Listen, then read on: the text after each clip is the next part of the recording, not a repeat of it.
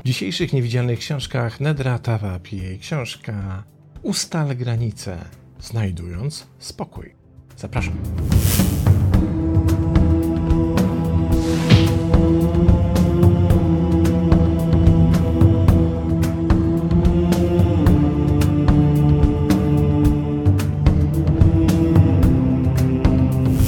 Książka, do której dzisiaj zaglądamy, to nówka sztuka. Miała premierę w marcu tego roku i błyskawicznie stała się bestsellerem New York Timesa, o czym chyba najlepiej świadczy określenie instant bestseller. Instant, czyli jak rozumiemy, natychmiastowy. Kim jest autorka książki? Nedra Glover Tawap jest licencjonowaną terapeutką i od 14 lat praktykuje terapię relacji. Ukończyła studia licencjackie i magisterskie na Wayne State University w Detroit. Jest założycielką i właścicielką praktyki terapii grupowej Kaleidoscope Counseling. Publikowała na łamach New York Times, Guardiana, Psychology Today, Self i Vice. A także prowadzi popularne konto na Instagramie, na którym dzieli się praktykami, narzędziami i refleksjami na temat zdrowia psychicznego, a także organizuje cotygodniowe pytania i odpowiedzi na temat granic i relacji. Mieszka z rodziną w Charlotte w północnej Karolinie. Granice. Tytuł tej książki brzmi Ustal granice, znajdź spokój albo znajdując spokój. To książka, która dotyka rzeczy, które wydają nam się oczywiste, mamy przynajmniej taką nadzieję, że dość jasno i precyzyjnie stawiamy granice w naszym życiu, a okazuje się, że bardzo często błądzimy i bardzo często robimy to albo niedokładnie, albo niepoprawnie, albo w ogóle tego nie robimy. Problem z granicami według autorki książki, i myślę, że to jest powodem, dla którego ta książka stała się bestsellerem, jest taki, że nawet kiedy ustalamy te granice, to popełniamy w tym ustalaniu całą masę błędów. Jednym z takich błędów jest to, że nasze granice dla innych są zbyt rozmyte, by mogli je precyzyjnie zdefiniować, precyzyjnie zobaczyć, dostrzec, a zatem się ich trzymać, a zatem przekraczają je niestety ku naszej zgubie i ku naszej szkodzie. Drugi problem z granicami polega innymi na tym, że uznajemy, że kiedy raz ustaliliśmy jakieś granice, to ludzie będą o tym pamiętać. Tak po prostu nie jest. Ludzie mają inne zainteresowania i inne sposoby spędzania wolnego czasu niż nieustanne pamiętanie naszych granic. Dlatego tak ważne jest przyjrzenie się tym granicom, bo jak twierdzi autorka książki i wieloletnia terapeutka, to właśnie ich brak lub też błędy w ich ustaleniu są odpowiedzialne za bardzo wiele przyczyn naszych psychologicznych problemów. Posłuchajmy. Jestem terapeutą od 14 lat. Ludzie nie przychodzą na terapię wiedząc, że mają problemy z granicami. Kiedy wkraczają do gabinetu, kiedy przekraczają jego drzwi, problemy z granicami zdają się być zamaskowane jako problemy z samoopieką, konflikty z innymi ludźmi, problemy z zarządzaniem czasem lub obawy dotyczące wpływu mediów społecznościowych na ich stan emocjonalny. Oznaki, że potrzebują granic, są bardzo proste do terapeutycznego wychwycenia. Otóż tacy ludzie czują się przytłoczeni. Czują często urazę do innych ludzi, od których słyszą prośbę o pomoc. Unikają na przykład rozmów telefonicznych i interakcji z osobami, które ich zdaniem mogą ich o coś w trakcie takiej rozmowy telefonicznej czy interakcji poprosić. Czują się często wypaleni. Często marzą o porzuceniu wszystkiego i zniknięciu. Często również nie mają czasu dla siebie. Według mojej definicji granice to oczekiwania i potrzeby, które pomagają ci czuć się bezpiecznie i komfortowo, na przykład w Twoich związkach. Są one rodzajem zabezpieczenia przed zranieniem, są praktyką prowadzącą do rodzaju samoopieki. Określają rolę w związkach, komunikują akceptowalne i niedopuszczalne zachowania. Są parametrami pozwalającymi wiedzieć, czego się spodziewać. Są sposobem na komunikowanie swoich potrzeb innym oraz na tworzenie zdrowych relacji. Są sposobem na stworzenie przejrzystości. Są sposobem na poczucie bezpieczeństwa. Granice są wolnością. I tutaj dotykamy dość kontrowersyjnej rzeczy, ponieważ bardzo wielu ludzi uznaje, że takie precyzyjne, oficjalne komunikowanie swoich granic innej osobie jest niewłaściwe, bo ociera się o egoizm, o samolubstwo. Kiedy ja będę dbał wyłącznie o swoje granice, no to wydaje mi się, że to jest nie ok, to jest nie fair w stosunku do tych ludzi, z którymi wchodzę w interakcję, czy też z którymi tworzę relacje, bo być może będzie im przykro, bo być może uznają mnie za samoluba, być może będzie to egoistyczne, bo przecież dbam wyłącznie o siebie, a nie o nich. I to właśnie rozróżnienie, ten mit dotyczący mylenia tego, co samolubne, co egoistyczne, z tym, co nam służy jako stawiane granice, które mają nas chronić, jest przedmiotem tej książki. I bardzo dobrze tak się dzieje, bo okazuje się, że bardzo wielu ludzi ma kłopot z rozróżnieniem tych dwóch spraw. I unika granic, czy też ich nie ustala, właśnie w obawie przed posądzeniem o samolubstwo, czyniąc sobie krzywdę. Posłuchajmy dalej. Oto powody, dla których ludzie nie szanują Twoich granic. Dzieje się tak, ponieważ sam lub sama nie traktujesz siebie odpowiednio poważnie. Nie wymagasz od innych odpowiedzialności. Nauczyłaś ich, czy nauczyłeś ich, że musisz przepraszać za wyznaczanie granic. To jest dokładnie to, o czym mówię. Myślisz, że wyznaczenie granic będzie jednoznaczne z posądzeniem cię o egoizm, więc czujesz się zobowiązany, by za to przeprosić. Pozwalasz innym na zbyt dużą elastyczność w stosunku do ciebie. Mówisz o sobie, czy o swoich potrzebach, czy o swoich wymaganiach w dość niepewny sposób nie zwerbalizowałaś, czy też nie zwerbalizowałeś swoich granic. Wszystkie są wyłącznie w Twojej głowie. Ty je znasz, ale ludzie o nich nie mają pojęcia, nie mają świadomości, co jest naprawdę dla Ciebie granicą. Zakładasz, że wystarczy raz określić swoje granice, by wszyscy naokoło nich pamiętali i je respektowali, a to oczywiście nieprawda i mit. Zakładasz, że ludzie zorientują się, czego chcesz i potrzebujesz na podstawie tego, jak postępujesz. Nie, Ludzie nie są jasnowidzami. Póki nie powiesz, co jest dla ciebie ok, a co jest dla ciebie nie ok, póki jasno tego nie stwierdzisz, ludzie często nie będą tego wiedzieć. A ty się będziesz czuła, czy też czuł wykorzystywany przez ich niewiedzę, co często nie jest ich specjalnym działaniem, co często jest ich nieświadomym działaniem wobec ciebie, bo nie wiedzą, gdzie te granice i w jakich obszarach u ciebie występują dalej. Wyznaczanie granic jest fundamentem dbania o siebie. Dbanie o siebie to coś więcej niż dzień w spa i nie ma nic wspólnego z byciem samolubnym, to o czym przed chwilą mówiliśmy. Odmowa pomocy bywa aktem troski o siebie. Zwracanie uwagi na swoje potrzeby to dbanie o siebie i podobnie jak zakładanie maski tlenowej w instrukcji zachowań awaryjnych w czasie lotu samolotem, będziesz miał, miała więcej energii dla innych, jeśli najpierw założysz ją na siebie. Co się zatem dzieje? Jakie są efekty tego stanu, kiedy nie wyznaczamy tych granic lub wstydzimy się je wyznaczyć, czy też boimy się je wyznaczyć, właśnie między innymi będąc przekonani o tym, że ktoś nas posądzi o egoizm. Kiedy nie wyznaczamy granic, zaczynamy się czuć wykorzystani, sfrustrowani i poirytowani. Nasze finalne zgorzknienie jest wynikiem urazy, jaką odczuwamy, gdy nie wyznaczamy granic.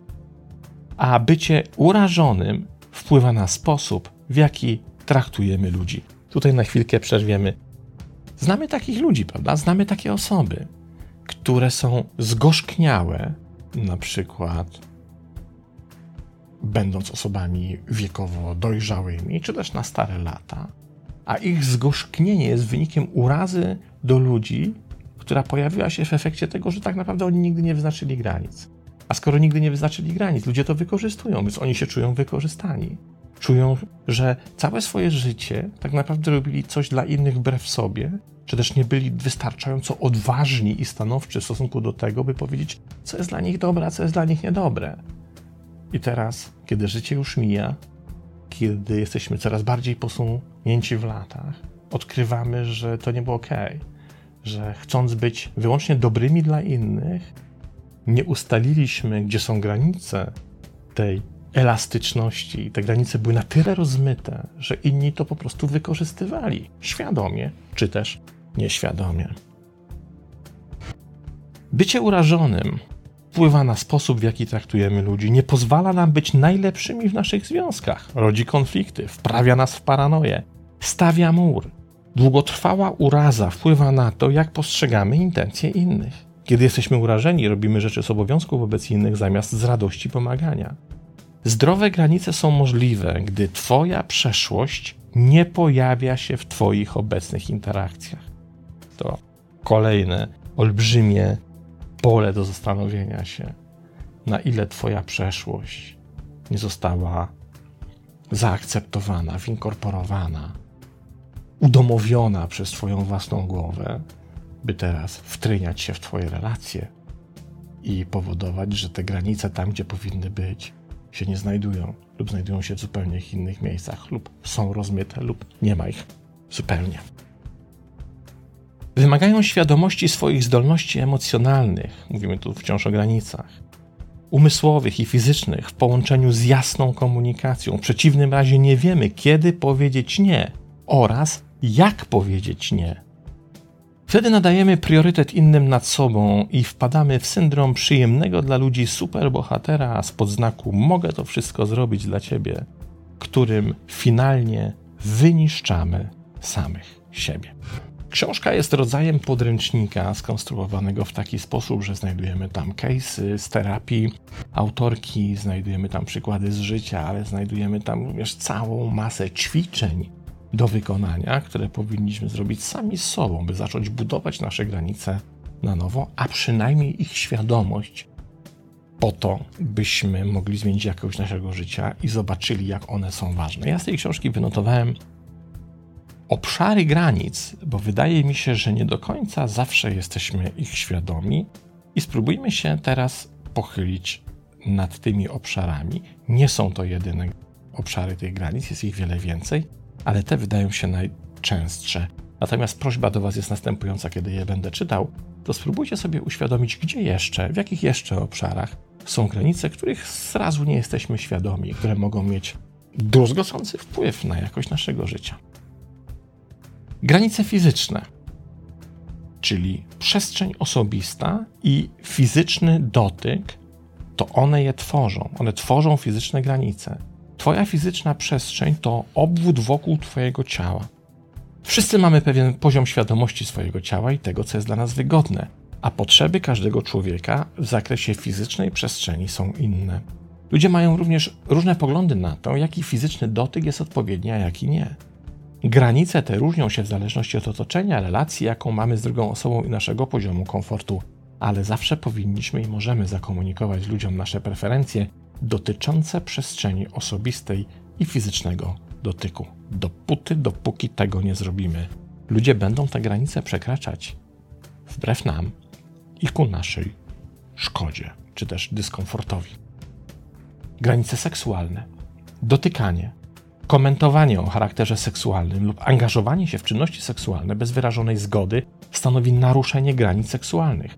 Często sama rozmowa wydawałoby się niewinne żarciki czy aluzje niedopuszczalnie przekraczają te granice. To te wszystkie momenty, kiedy ktoś przy nas, w kierunku do nas, wygłasza jakieś seksualne aluzje, a my robimy dobrą minę do złej gry, bo tak naprawdę czujemy się nieswojo, czujemy się niekomfortowo. Nie chcemy być stawiani w tego typu świetle i w tego typu obszarze rozmowy uczestniczyć. Wtedy jest przekroczona ta granica a ktoś może po prostu o tym nie wiedzieć. Granice emocjonalne. Kiedy dzielisz się swoimi uczuciami, rozsądnie jest oczekiwać, że inni cię wesprą. Jednak dla niektórych z nas wyrażanie emocji nie jest łatwe. Więc kiedy ktoś umniejsza Twoje emocje lub unieważnia Twoje uczucia, narusza Twoje emocjonalne granice. To na przykład sytuacja, co Ty tam możesz czuć? To jest nieistotne, co czujesz. Co ty możesz wiedzieć, jak to naprawdę powinno wyglądać na poziomie emocjonalnych odczuć? To jest przekraczanie granic. To może sprawić, że poczujesz się nieswojo następnym razem, gdy będziesz chciał wyrazić swoje emocje. Mając zdrowe granice emocjonalne, wyrażasz swoje uczucia i informacje osobiste stopniowo, a nie wszystkie naraz. Oznacza to również, że udostępniasz je tylko wtedy, gdy jest to właściwe i starannie dobierasz swoich powierników. W ankiecie na Instagramie zapytałam pewnego razu swoich obserwatorów, obserwujących followersów, czy kiedykolwiek podzieliłeś się sekretem przyjaciela z kimś innym? Wiecie, ile osób odpowiedziało? 72% osób odpowiedziało tak, podzieliłem się sekretem. Co oznacza, że 72% osób nie potrafiło utrzymać tego sekretu dla siebie. Tego, który im powierzyliśmy. W sekrecie, sądząc, że mówimy to najbliższemu przyjacielowi. Granice czasowe. Zobaczcie, jakie ciekawe. Ciekawy obszar. Z mojego doświadczenia wynika, że czas jest obszarem granicznym, z którym ludzie mają najwięcej trudności. Granice czasowe składają się z tego, jak zarządzasz swoim czasem, jak pozwalasz innym wykorzystać swój czas, jak radzisz sobie z prośbami o przysługę, jak organizujesz swój wolny czas.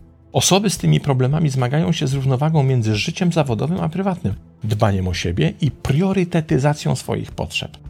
Poświęcanie czasu innym to jeden z istotnych sposobów, w jaki możesz naruszyć swoje granice czasowe. Jeśli w efekcie nie masz czasu na coś, co sama czy sam chcesz zrobić, to oznacza, że Twoje granice czasowe nie zostały przez Ciebie odpowiednio ustawione. A co powiecie na granice materialne? Kolejna ciekawostka. Granice materialne mają związek z Twoim dobytkiem. Twoje rzeczy to Twoje rzeczy. Jeśli zdecydujesz się udostępnić swoje rzeczy, to Twój wybór. Masz również prawo do decydowania o tym, jak inni traktują Twój dobytek.